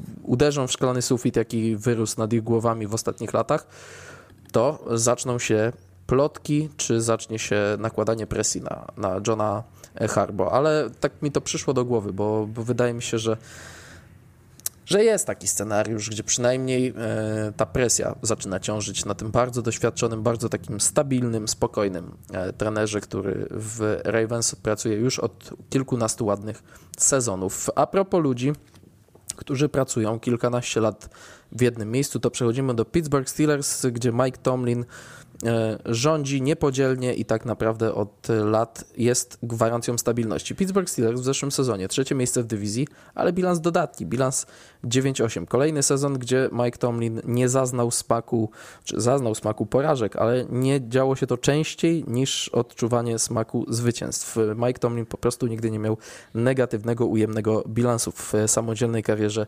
trenerskiej w NFL i wygląda na to, że Pittsburgh Steelers gotowi są do tego, żeby poczynić kolejne kroki do przodu, bo skoro w zeszłym roku było 9-8, to wygląda na to, że w drugim sezonie Kenego Piketa może być tylko lepiej. Ale zacznijmy krok po kroku, tak jak robiliśmy to przy y, wszystkich dotychczasowych zespołach, a więc od najważniejszego nabytku. Kto w Pittsburgh Steelers jest y, najważniejszym nabytkiem, biorąc pod uwagę cały ten off-season?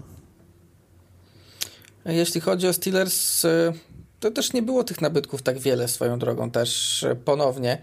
E, to takie, ten model budowania drużyny przez Steelers nam się pokrywa. Natomiast ja sobie napisałem Patricka Petersona e, z tego względu, że no raz, że on pomoże jako weteran. Nie jest tak dobrym zawodnikiem, jak był jeszcze kilka lat temu Patrick Peterson, e, ale on jako ten cornerback weteran, który gdzieś tam luki będzie Steelers uzupełniał, a jednocześnie może być mentorem na przykład do wybranego w drafcie Joeya Portera Jr., no to już wygląda całkiem nieźle. I e, tak jak mówię, no nie było z czego za bardzo wybierać. Trzeba było, nie wiem, sięgnąć na przykład do draftu bardziej, bo niewielu tych podpisanych zawodników przez może nie tyle niewielu, co że nikt z takiej naprawdę ściągniętej górnej półki wolnej agentury, raczej uzupełnianie luki, tacy zawodnicy troszkę niedoceniani. Mm, ale tak jak mówię, no tutaj wybrałem Petersona ze względu na ewentualny wpływ na, e, na całe sekundary jako doświadczenie, jako lider tej, tej pozycji.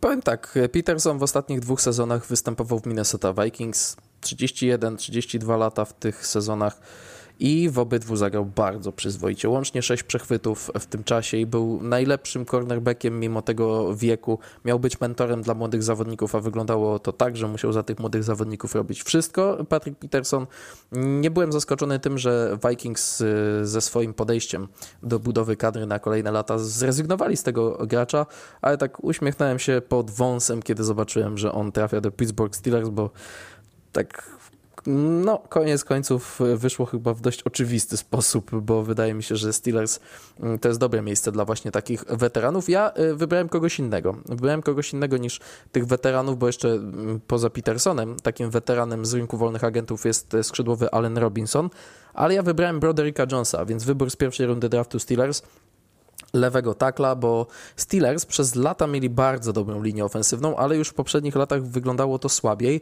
i taki franczyzowy left tackle, czyli człowiek, który tę pozycję zajmie na 8, 10, 12 sezonów, jest tam potrzebny jak tlen i wydaje mi się, że Broderick Jones to jest y, wybór, który może zagwarantować Steelers taką bardzo potrzebną solidność, no i ma to duży sens. W zeszłym roku wybrałeś rozgrywającego w pierwszej rundzie draftu, no to rok później dołóż mu kogoś, kto będzie go chronił. Także w moim przypadku akurat nie brałem pod uwagę tych doświadczonych wolnych agentów. Y, postawiłem na debiutanta.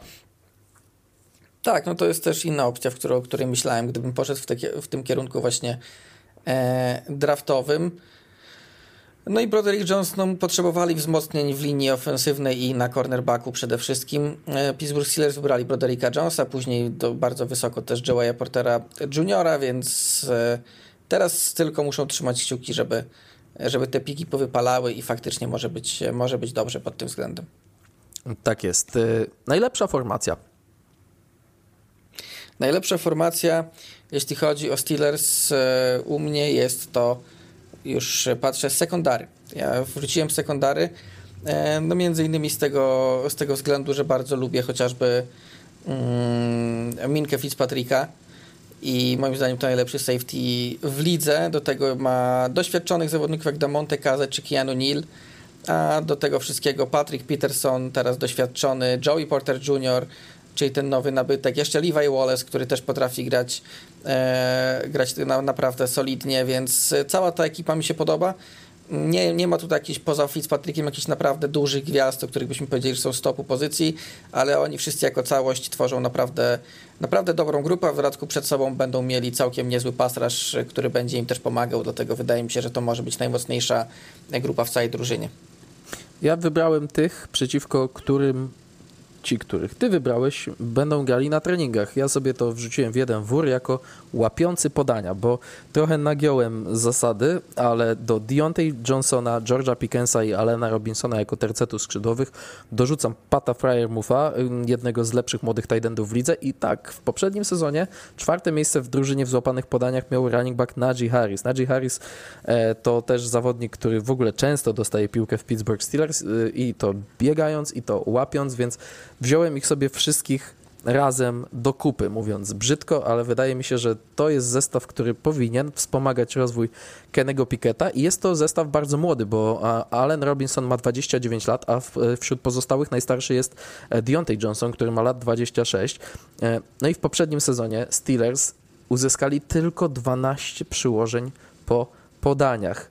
To musi się poprawić, biorąc pod uwagę potencjał tej grupy. Kenny Pickett musi umieć lepiej ich wycisnąć, ale tak mi się wydaje, że ta ofensywa Steelers no, może opierać się na, na grze podaniowej, jeżeli wszystko e, kliknie. E, to od razu, bo te wątki mi się spinają, przejdę do pięty achillesowej. Ja wskazałem Mata Kanadę. E, wskazałem na ofensywnego... Ja też mam Mata Kanadę, więc... więc idealnie nam się to składa, bo te 12 przyłożeń w grze podaniowej to jest też no taki stabilny, ale dość powolny e, rozwój Kenego Picketa w poprzednim sezonie, ale myślę, że też w dużej mierze wynika to z tego, jakim play callerem jest Matt Canada. Pod względem efektywności Steelers mieli trzeci atak biegowy w zeszłym sezonie i tutaj super, ale gra podaniowa mocno, mocno kulała. Play calling pozostawiał wiele do życzenia i wydawało mi się, że Kanada może odejść, ale został i gdybyśmy robili gorące stołki koordynatorów, to Matt Canada byłby wysoko na takiej liście. Myślę, że na samej górze może nawet. Być może tak. E, bo też wydawało mi się, że powinien pracę stracić, ostatecznie nie stracił i to jest taka, takie największe zagrożenie moim zdaniem dla rozwoju Piketa, bo Matt Canada no naprawdę ostatnich sezonów nie miał najlepszych ofensywny koordynator Steelers i w dużej mierze to od, y, też na jego barki spada to, że ten, jak ten atak momentami źle wyglądał, jakie słabe decyzje były podejmowane.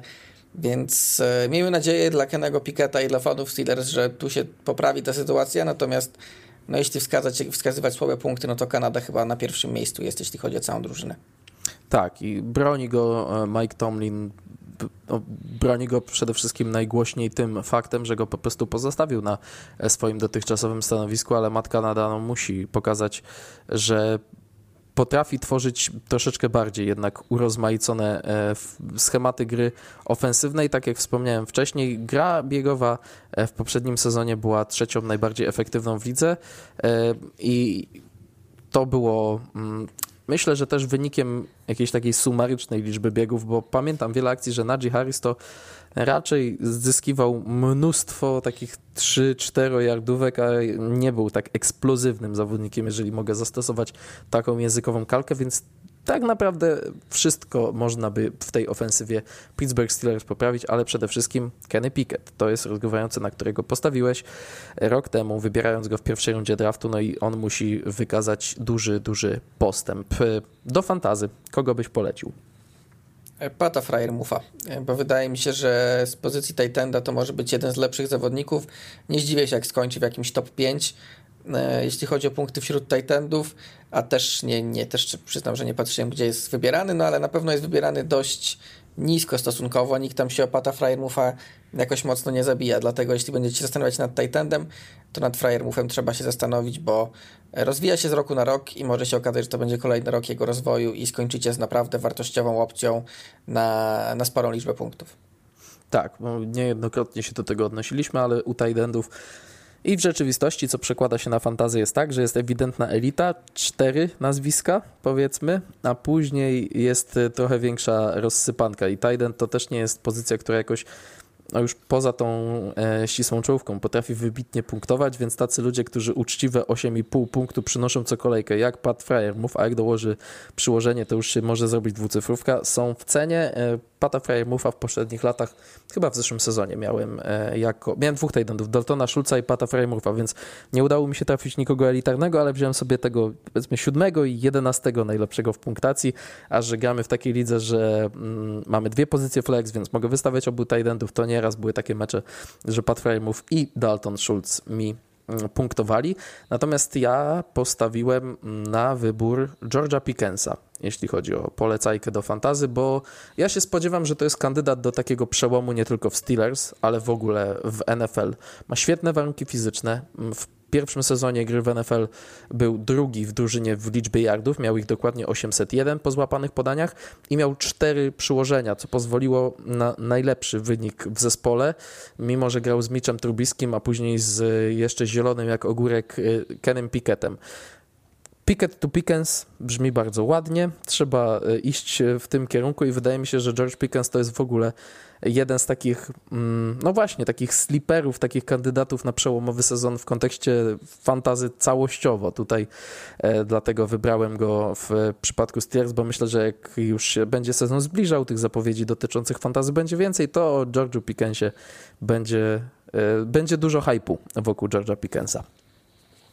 Tak, no generalnie tutaj na pewno Steelers liczą na to, żeby że ten rozwój drugoroczniaka też nastąpi, że to, ten skok w drugim roku już po zapoznaniu się z ligą będzie większy, szczególnie, że były te akcje picket to pickens parę razy w ubiegłym sezonie, Pickens to dość ciekawy charakterologicznie zawodnik, ale e, na razie wydaje się, że uda, da się utrzymać go w ryzach i, mm, i będzie, będzie w Steelers bardzo, bardzo przydatny. Będzie tym kolejnym wysoko wybranym WR-em przez Steelers, który, e, który, im, który im pomoże na pewno w wygrywaniu meczów i myślę, że na fantazy też się to, e, też się to przełoży, bo no, taka jest to drużyna. Steelers są taką drużyną, w której nie ma takiego typowego lidera, e, jeśli chodzi o fantazy.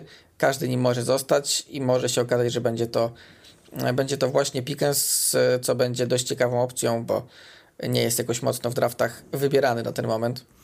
Tak, chciałem Cię jeszcze zapytać pod kątem fantazy, bo tutaj podaż na tej pozycji jest mniejsza, o Najee Harrisa. To jest y, Twoim zdaniem jeden z takich um, running backów, których powinni gracze fantazy w tym sezonie celować y, wysoko?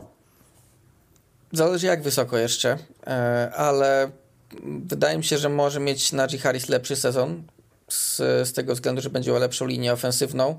Trochę może ten atak będzie lepiej wyglądał, co za tym idzie, będzie miał e, więcej miejsca na oddech a nie tylko będzie dostawał piłkę w trudnych sytuacjach się musiał wbijać 3-4 yardy i zostać powalonym, jak to bywało w ubiegłych sezonach czasami.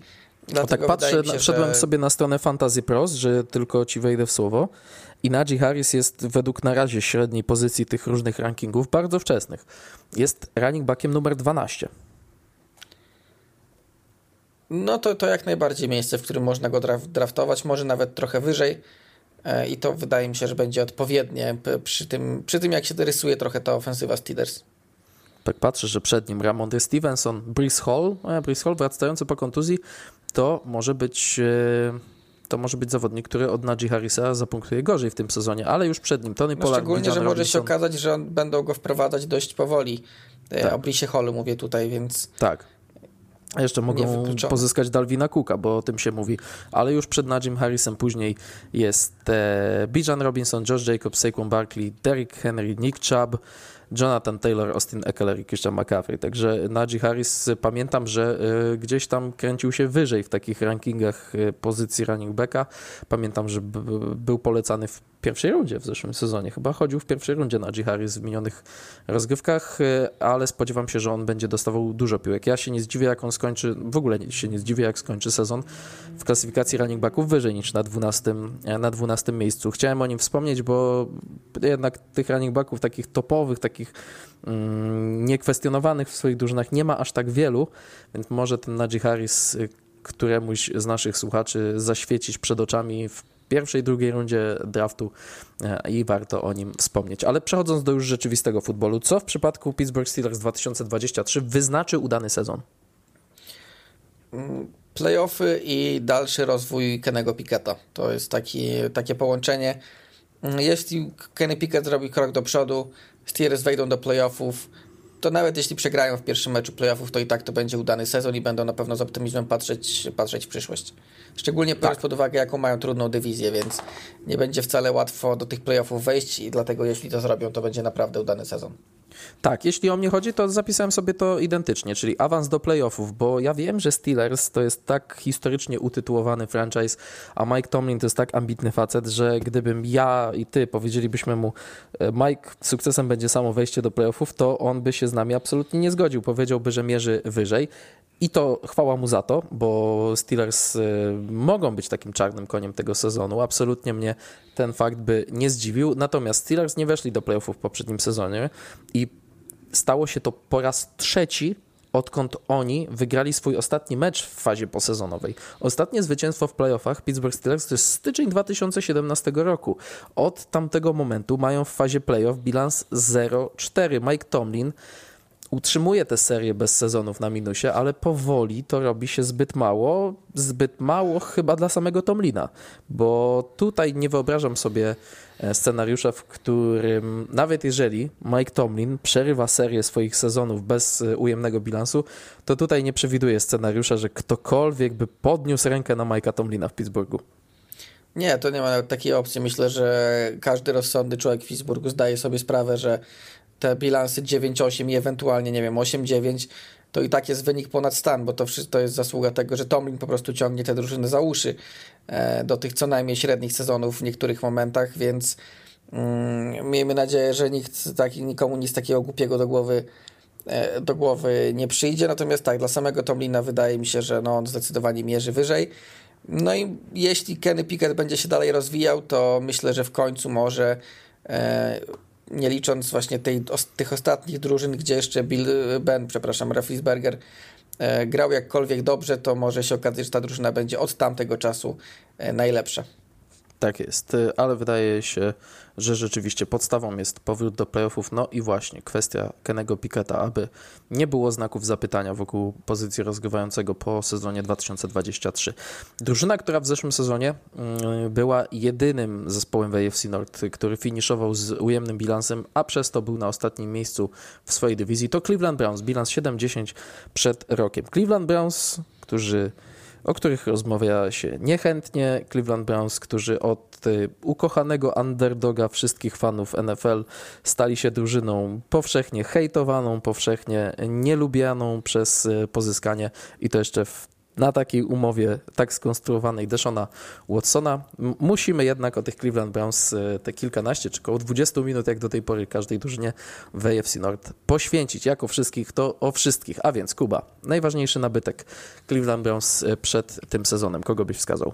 Ja mam podwójny. Dalvina Tomlinsona i Zadariusa Smitha, bo moim zdaniem ta linia defensywna była konieczna wręcz do, do, poprawienie tej linii było konieczne, żeby myśleć o czymkolwiek, bo momentami był to tylko Miles Garrett i w pass wystarczyło go podwoić albo i potroić, bo reszta nie robiła większego zagrożenia, a w grze biegowej przeciwnicy potrafili wchodzić jak, masło, jak w masło przez środek e, tak. tej linii. Teraz e, jednocześnie podpisujemy za Dariusa Smitha, który jest no nie jest już może tak dobry jak w swojej najlepszej formie, ale wciąż jest solidnym weteranem, który przynajmniej powinien sprawić, że drużyna przeciwna zacznie na niego zwracać uwagę, a to zrobi więcej miejsca Milesowi Garrettowi. No jest Dalvin Tomlinson, który automatycznie jest jednym z najlepszych e, obrońców biegów w lidze, jeśli chodzi o środkowych liniowych i no sama jego obecność na środku musi sprawić, że nie wiem jak, jak, dobrze, jak dobra będzie gra biegowa Browns, ale na pewno będzie, powinna być sporo lepsza niż była rok temu i nikt nie będzie przez nich przechodził E, jak po prostu jak nóż, no jak nóż przez masło, ciepłe jeszcze w dodatku, bo to, tak to wyglądało momentami. No ty wskazałeś na ten zaciąg z Vikings, czyli Tomlinson i Smith. E, on oczywiście ma pomóc, ale moim zdaniem najwięcej zależy od koordynatora, który musi wycisnąć potencjał z tej grupy, dlatego ja wybrałem Jima Schwartza jako najważniejszy nabytek Cleveland Browns przed e, obecnymi rozgrywkami, bo w trakcie poprzedniego sezonu, czy przed poprzednim sezonem, pamiętam, że rozmawialiśmy o Browns i mówiliśmy, że ta defensywa w sumie ma potencjał, a skończyło się tak, jak się e, skończyło. Szósta najgorsza defensywa pod względem presji i piąta od końca w liczbie saków dostaje architekta tych, tych pakietów blicowych, jakim jest Jim Schwartz. E, no i do tego to była pod względem efektywności najgorsza obrona biegowa w NFL, o czym ty wspomniałeś, więc wszystko, co mogło iść nie tak, szło nie tak w Cleveland Browns. E, wchodzi Jim Schwartz, który ma doświadczenie jako trener główny, który w Eagles świetnie w ostatnich latach funkcjonował jako koordynator e, defensywny. No i Dalvin Tomlinson i Zadarius Smith na pewno ucieszy się Schwartz, że takie zabawki dostaje, bo a propos tego, o czym mówiłeś, że to była e, defensywa o nazwie Miles Garrett i długo, długo nic.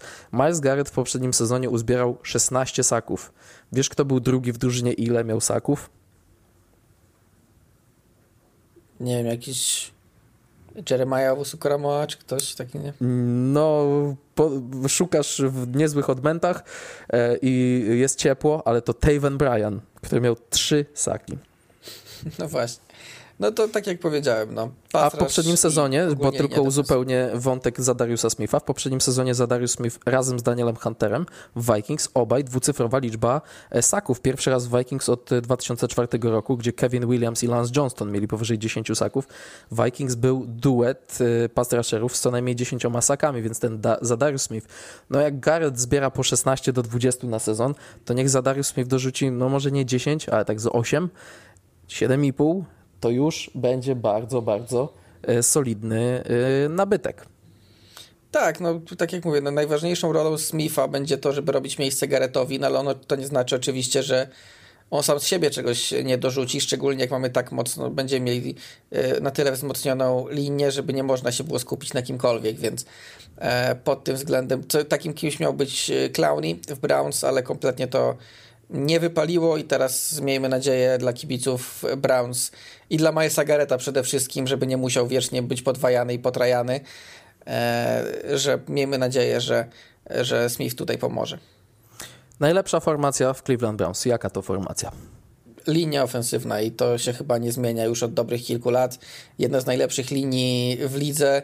Dodatkowo wybrali jeszcze teraz Davanda Jonesa e, w drafcie, czyli zawodnika, który oczywiście miał swoje problemy i spadł do czwartej rundy, ale pod względem talentu to była pierwsza, druga runda. Dlatego ja byłem fanem w tym drafcie Davanda Jonesa. Mm, więc e, jestem ciekaw, jak oni jeszcze wkomponują, wkomponują go, czy będzie w stanie się rozwijać na tyle szybko, żeby kogoś wygryźć z tego składu, a czy po prostu będzie opcją przyszłościową, ale tak, na ten moment linia ofensywna to nawet bez dwóch zdań chyba. Tak, tak, bez dwóch zdań. W moim przypadku też wskazanie na linię ofensywną było oczywistą. Idąc od lewej strony, jest Jedrick Wills. On obok Joe Thomasa nawet nie stał, i nie jest może aż tak dobrym zawodnikiem, jak spodziewano się, kiedy był wybierany wysoko w drafcie, ale dalej od lewej. Joel Bitonio, Ethan Poucic, Wyatt Teller, Jack Conklin. Sami kozacy. To wciąż będzie opoka od całego ataku.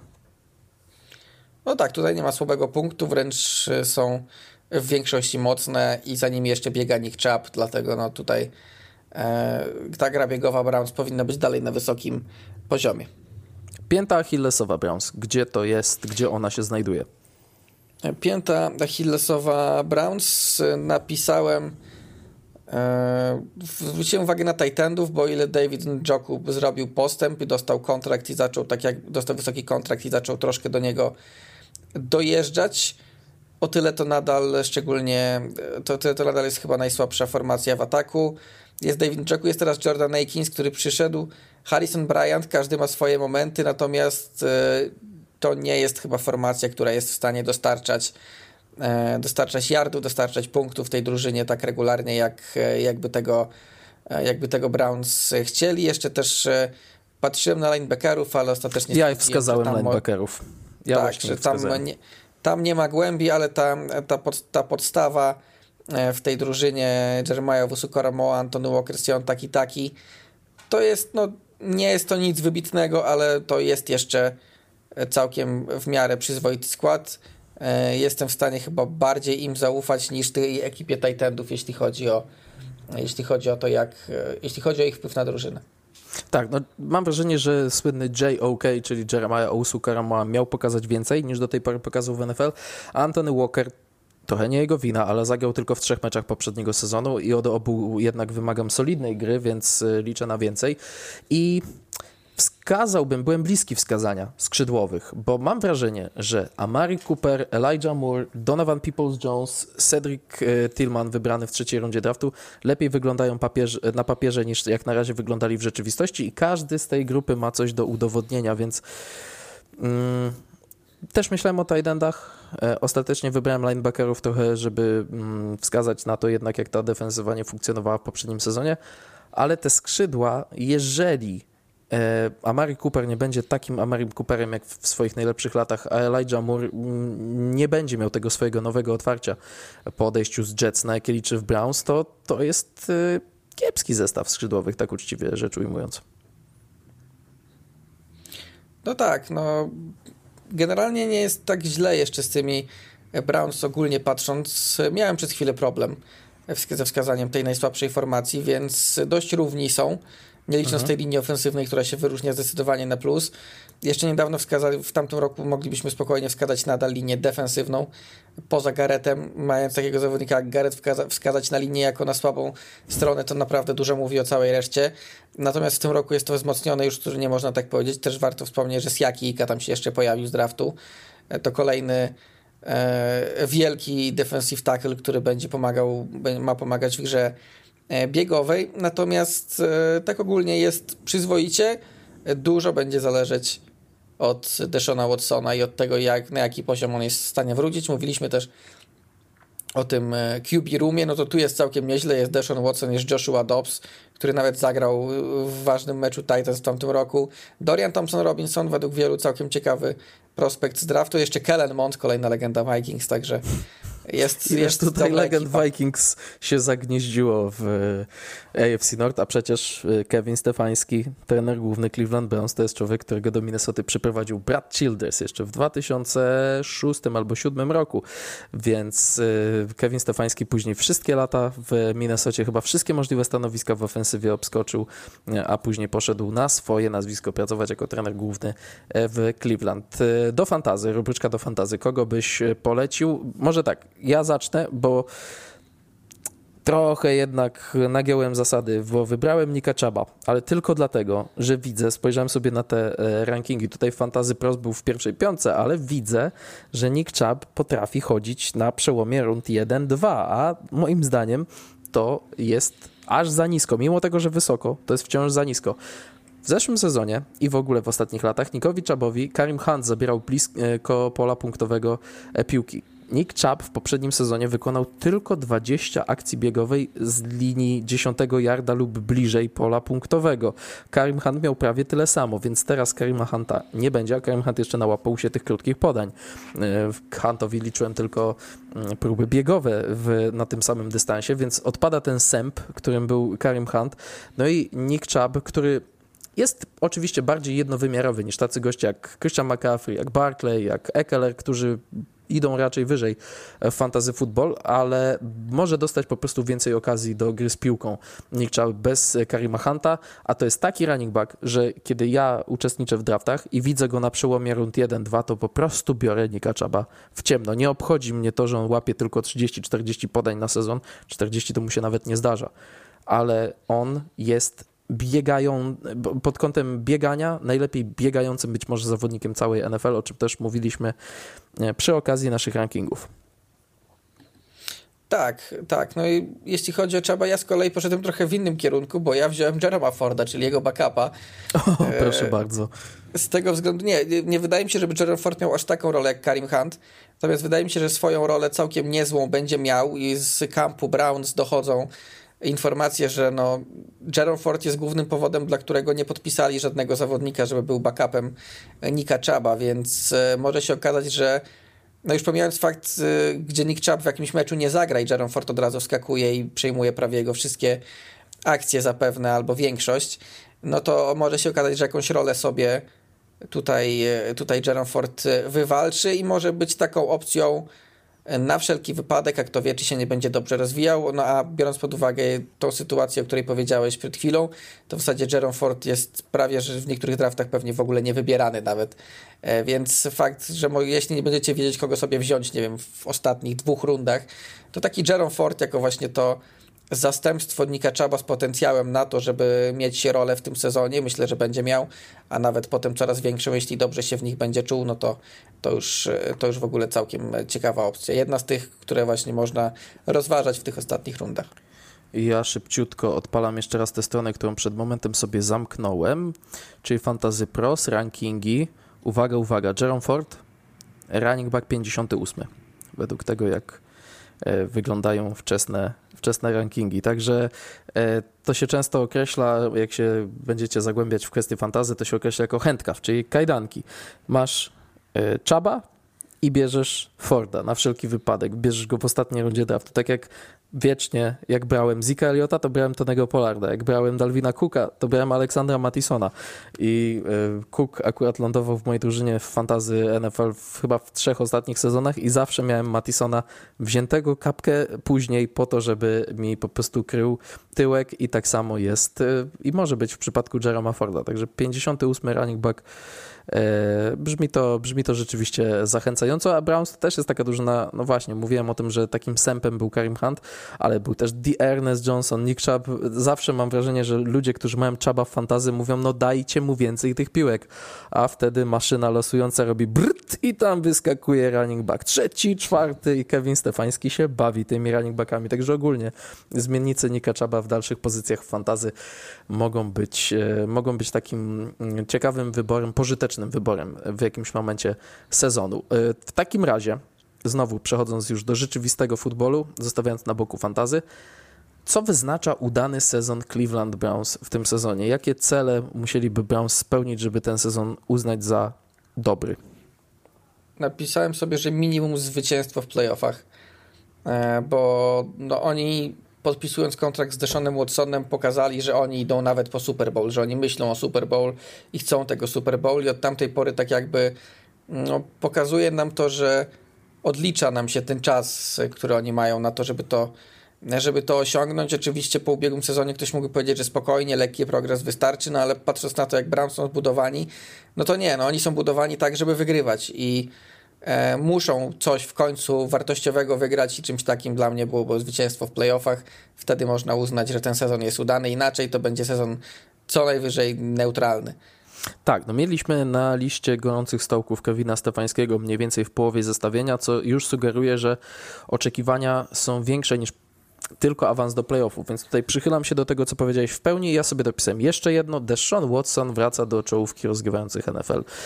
Mało się mówi o Deshaunie Watsonie w kontekście sportowym, bo tak jak tu wielokrotnie powtarzam, ludzie omijają ten temat, bo mają go, mają go dość. Niektórzy czują obrzydzenie na widok Deshona Watsona i po prostu nie chcą rozmawiać o Deshonie Watsonie zawodniku bez oderwania tego, jakim Deshaun Watson jest człowiekiem. Akceptuję to, jestem w stanie w pełni to zrozumieć, ale Deshaun Watson zawodnik w poprzednim sezonie NFL grał bardzo słabo. Od momentu, kiedy wrócił Deshaun Watson do gry, to nawet nie brakowało takich głosów, że no hola hola, przecież ten Jacoby Brissett wyglądał lepiej. No tak, były takie głosy faktycznie, że i Brissett całkiem nieźle ten atak prowadził, a tak trochę gorzej wyglądał po tym, jak Watson go e, przejął. Więc no oczywiście, tak jak mówiliśmy wielokrotnie, bardzo dużo Watsonowi zrobi w pełni przepracowany okres przygotowawczy z nową drużyną. Rok temu jako zawieszony zawodnik nie mógł tego robić. Mógł dopiero wrócić do treningów tam na tydzień czy dwa przed końcem zawieszenia, to wtedy go dopuszczono. E, teraz w końcu przepracuje pierwszy swój pełny off-season od dwóch lat, trzech, więc e, myślę, że jest szansa, że wróci na wystarczająco wysoki poziom.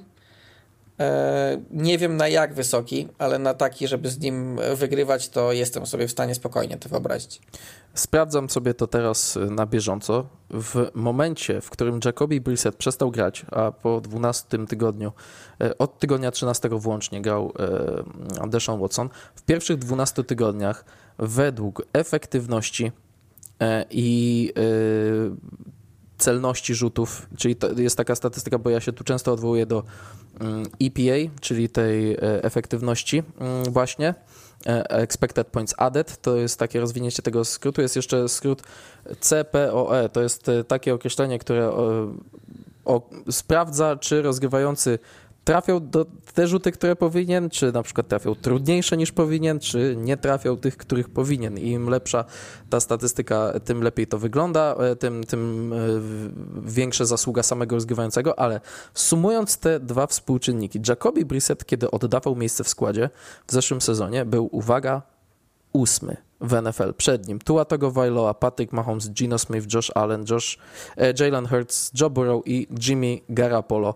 E, szybciutko teraz sprawdzę, jak wyglądało to w przypadku Deshona Watsona. Proszę bardzo, od 13 tygodnia do tygodnia 18. Suwaczki.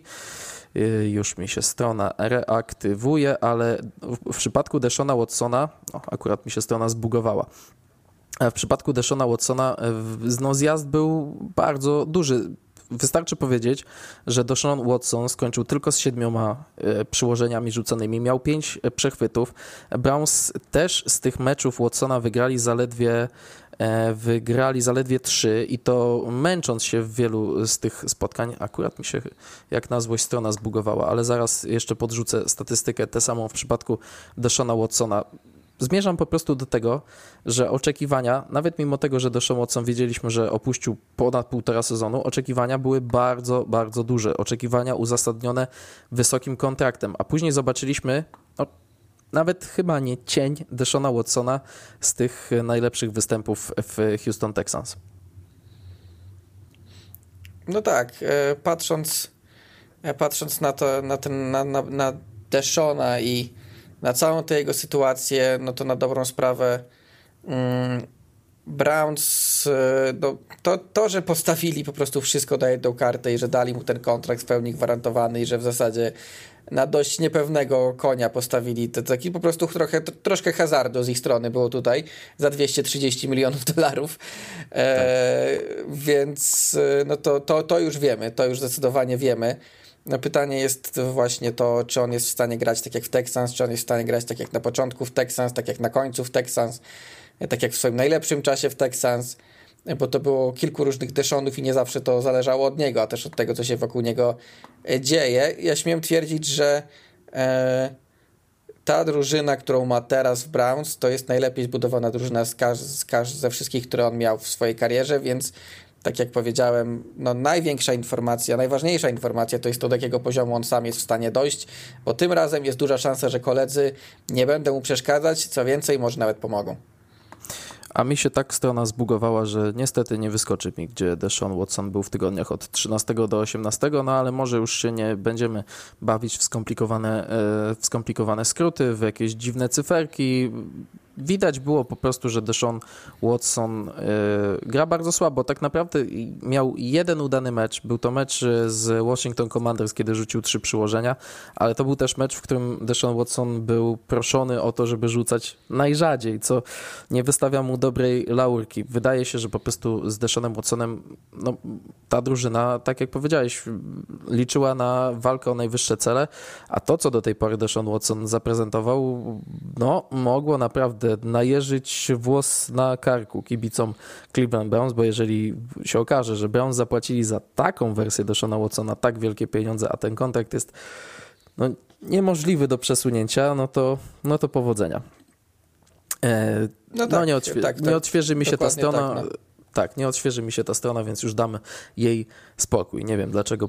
To jest właśnie słynna złośliwość rzeczy martwych. Jakbym to pewnie sobie zawczasu przygotował, to by wtedy się nic nie wykrzaczyło. E, no dobrze, to podsumujmy dyskusję o AFC North e, próbą wytypowania naszej kolejności. Taki klasyczny odcinek zapowiedziowy, taki z typami na zwycięstwa, MVP i takie tam zostawiamy sobie już na ostatniej prostej na pierwsze dni września. Ale nic nie szkodzi, żeby spróbować bez podawania może konkretnych bilansów, e, liczenia tydzień po tygodniu, wytypować sobie kolejność w każdej z dywizji, którą będziemy omawiać. Najpierw słucham Ciebie, Kuba, jak wygląda od, pierwsze, od pierwszego do czwartego miejsca e, Twoja kolejność AFC North w roku 2023?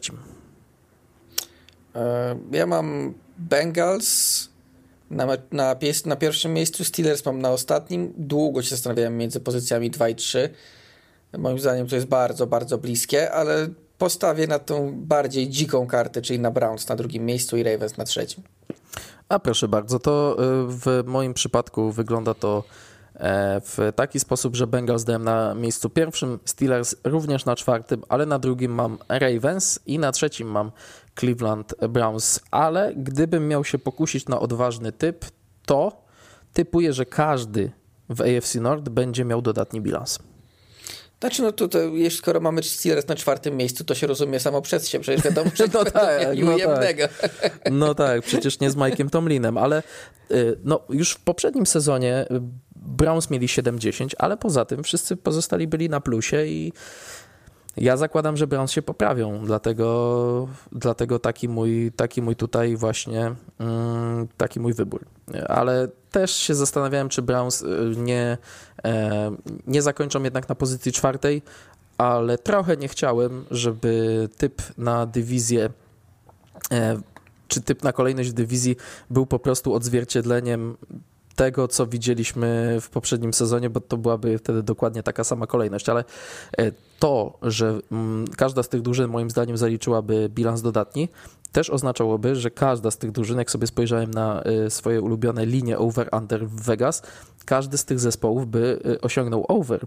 Gdyby tak się wydarzyło, to raczej rzadko się zdarza, że, y, że wszystkie cztery drużyny w dywizji osiągają over, a mi się strona odbugowała i mogę tylko uzupełnić. Deshaun Watson na 30 sklasyfikowanych rozgrywających był 25 pod względem efektywności i tej właśnie celności e, podań, biorąc pod uwagę tylko dystans od 13 do 18 kolejki był 25 na 30 sklasyfikowanych rozgrywających, zanim byli m.in. Mac Jones czy Mike White, więc tak średnio. Przed nim, przed nim, był, Desmond, mówiąc, przed nim był. Desmond Reader, Andy Dalton, Baker Mayfield w Rams, był e, przed e, Deshaunem Watsonem, był Davis Mills, był e, Tyler Huntley, Taylor Heineke, takie nazwiska. To byli lepsi, tak obiektywnie biorąc pod uwagę liczby, e, to byli lepsi rozgrywający od Deshauna Watsona w ostatniej części minionego Szanuj sezonu. bowlera Taylora Huntleya.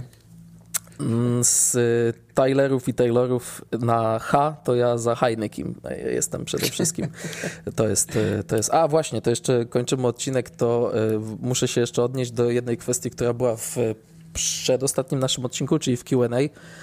Tam padło pytanie o to, z kim najchętniej poszedłbym na piwo. I ja palnąłem, że z Jaredem Allenem, a potem porozmawiałem z moim kolegą Szymonem, który mnie uświadomił, że to powinien być Ryan Fitzpatrick.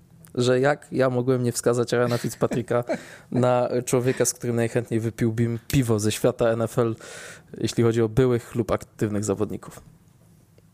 No tak, no to, to akurat jest no, wręcz nie do przyjęcia, że zapomniałeś o, o Fitzmagicu, więc No właśnie. dobrze, dobrze sprostowałeś.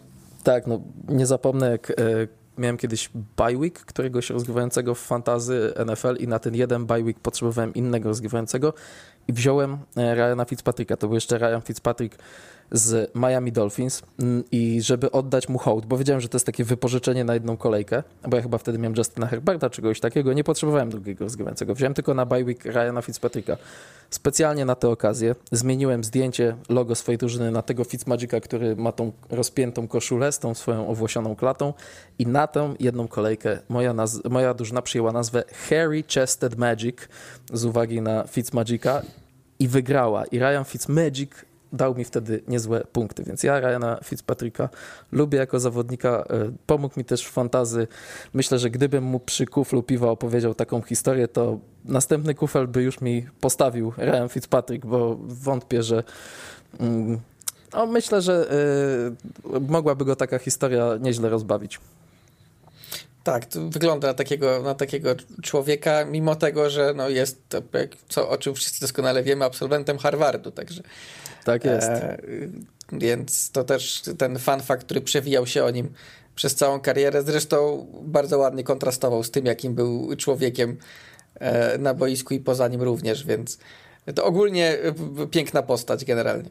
Tak, dlatego muszę tutaj y, uczynić to sprostowanie i podziękować mojemu koledze Szymonowi za to, że wyprowadził mnie z błędu, a żeby nie było, że to jest aż taki off-top z czapy, to przecież, przecież, przecież Ryan Fitzpatrick grał w Cincinnati Bengals, a więc grał w dywizji AFC Nord, więc to jest nawet taki półtematyczny off-topic, jeśli chodzi o zapowiedź tej y, dywizji. Ale jeśli chodzi o zapowiedź AFC Nord, dobrnęliśmy do końca. Tak jak wspomniałem, co tydzień będzie ukazywała się zapowiedź każdej kolejnej dywizji i powtórzę to, co mówiłem ostatnio, bo musimy być szczerzy z wami w 100%, a być może kogoś to ominęło.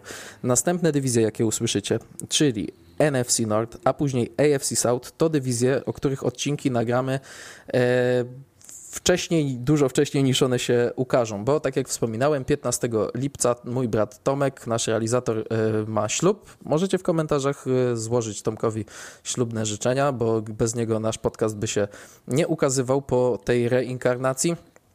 E, A z racji tego, że najpierw ślub, a potem podróż poślubna, no to nie będziemy Tomkowi zawracać głowy, więc następne odcinki e, nagramy sobie do lodówki i będziemy się słyszeć, czy wy będziecie nas słuchać z przeszłości e, i to takiej głębokiej. My będziemy się z wami słyszeć już w przyszłości. Gdyby się okazało, że ominęły nas jakieś informacje transferowe, też zbliża się deadline podpisywania franchise tagów, czy podpisywania długoterminowych umów przez zawodników, którzy dostali franchise tagi. Te kwestie, no niestety, siłą rzeczy nas ominą, ale mm, miejmy nadzieję, że nam to wybaczy, wybaczycie i też miejmy nadzieję, że no jednak y, w drugiej połowie lipca, która uchodzi jeszcze za szczyt sezonu ogórkowego, nagle nie sypnie takimi informacjami, że nasze podcasty nagrane z wyprzedzeniem no, będą po prostu do śmieci. Y, No, musimy trzymać kciuki Kuba, ale, ale wierzymy, że liga nam nie wywinie psikusa. No nie, oby nie. Tak na dobrą sprawę jedyne rzeczy to są e, kontrakty chyba DeAndre Hopkinsa i, i Darwina Cooka. E, na ten moment nie wydaje się, żeby oni podpisali kontrakt z kimś z AFC North, z NFC North chyba też nie, więc e, przynajmniej początkowo jesteśmy w dobrej sytuacji. Tak, i w AFC South też nie, no bo AFC North już nagrane, już Nie, no, no w. AFC, w AFC South może iść do Titans, gdzie był na wizycie. Ach, rzeczywiście, rzeczywiście. No dobrze, no to miejmy nadzieję, To że... nam najwyżej od NFC North zaczniemy. Tak, tak. Na, E, South, NFC przepraszam, NFC South.